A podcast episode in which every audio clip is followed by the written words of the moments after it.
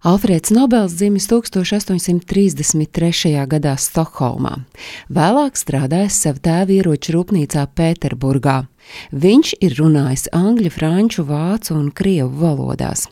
18 gadu vecumā topošais izgudrotājs devās studēt ķīmiju uz Parīzi, bet pēc tam pārcēlās uz ASV.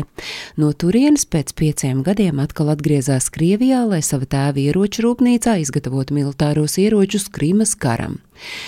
Kad ģimene pārcēlās atpakaļ uz Zviedriju, 1867. gadā viņš izstrādāja sprākstvielu dinamītu. Radīt prēmiju Alfredu Nobelu izprovocēja nepatīkams atgadījums. Kad Francijā nomira viņa brālis Ludvigs, kāds Francijas laikraksts sajaucis brāļus un uzskatīdams, ka miris Alfrēds paziņoja, ka miris nāves tirgotājs. Šāds apzīmējums viņam nepavisam neglaimoja un nepavisam negribējās palikt cilvēks atmiņā kā nāves tirgonim, tāpēc viņš izdomāja veidu, kā neskatoties uz to, ka viņš izgudrojas sprākstvielas, tomēr liks cilvēkiem atcerēties viņu pieminot labu.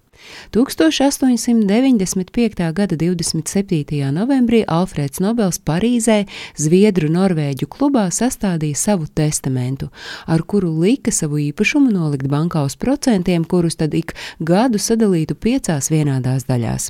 Tā tapa Nobela prēmija fizikā, ķīmijā, medicīnā, literatūrā un Nobela miera prēmiju.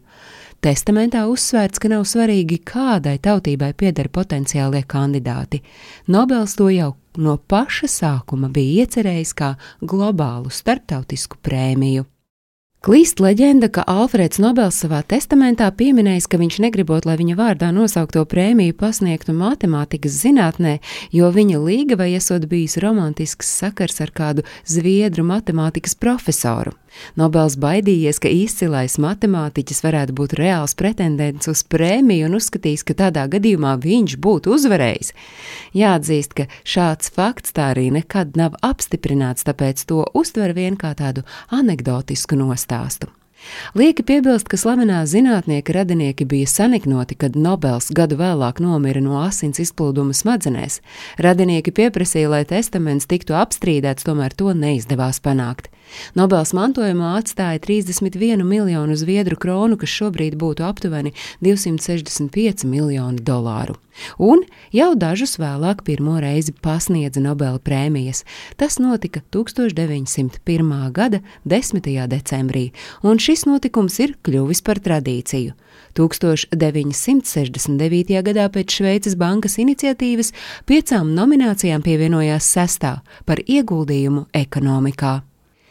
Prēmiju saņēmēji ik gadu tiek paziņoti rudenī, bet balvas pasniedz 10. decembrī Stokholmā, Zviedrijā, izņemot miera prēmiju, ko pasniedz Oslo, Norvēģijā.